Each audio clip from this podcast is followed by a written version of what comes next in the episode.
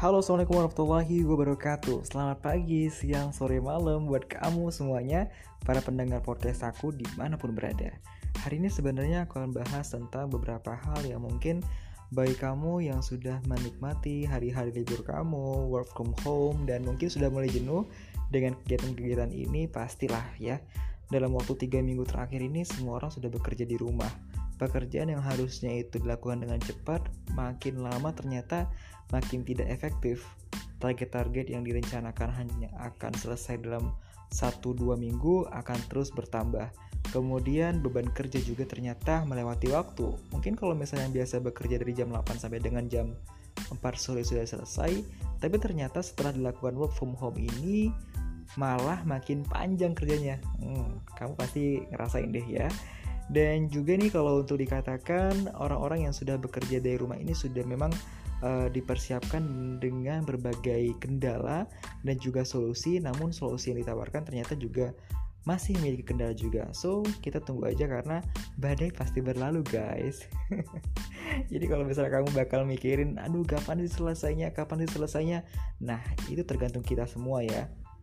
Tergantung itu arti gini kalau misalnya memang kita itu patuh dengan arahan yang diberikan kemudian juga nggak nyantui di jalan masih ngobrol di jalan ngumpul bareng nonton bareng makan bareng nah maka itu akan membuat proses yang awalnya itu direncanakan berakhir di bulan Mei atau Juni itu akan terus-terus bertambah dan juga memanjang nih prosesnya.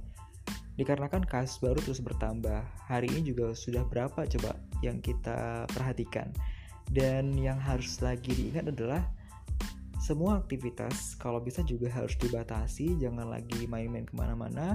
Kemudian juga pertemuan yang nggak nggak penting atau pertemuan yang bisa ditunda atau pertemuan yang bisa dilakukan dengan cara online ya sudah lakukan dengan cara online aja gitu loh. Dan berikutnya adalah untuk pembatasan dari kendaraan bermotor. Untuk pembatasan kendaraan bermotor ini pasti kamu sudah mengetahui ya dari dulu itu dari tahap awal pertama kali wabah ini muncul itu sudah ada pembatasan terhadap penggunaan dari bus kemudian juga transportasi lain seperti KRL dan juga MRT.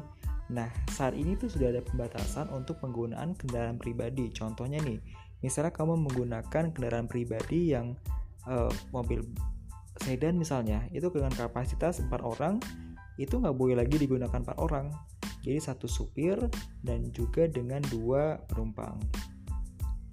Kemudian untuk seperti uh, motor, nah motor juga nggak bisa lagi dua orang, saat ini hanya satu orang. Dan untuk ojek online itu nggak bisa lagi mengangkut orang, jadi dan uh, harus hanya mengangkut makanan gitu loh. Pasti orang-orang yang terbiasa menggunakan Gojek, menggunakan Grab, menggunakan ojek uh, transportasi online atau ojek pangkalan pasti bingung ya.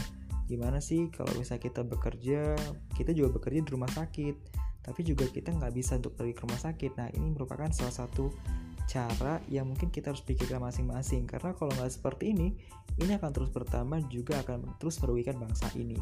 So tetap jaga agar kamu tetap menjaga jangan ke mana-mana stay di rumah keep social distancing dan juga paling penting adalah jaga kesehatan kamu kalau kira-kira sakit bisa untuk chat via dokter uh, yang online saat ini atau juga kamu bisa menghubungi kerabat teman yang juga dokter agar informasi tidak melebar ke mana-mana agar informasi yang terima kamu tidak salah dan juga akan memberikan informasi yang baik buat kamu semuanya so thank you so much so much buat uh, yang sudah dengerin podcast aku sampai ketemu di podcast yang berikutnya See you. Bye.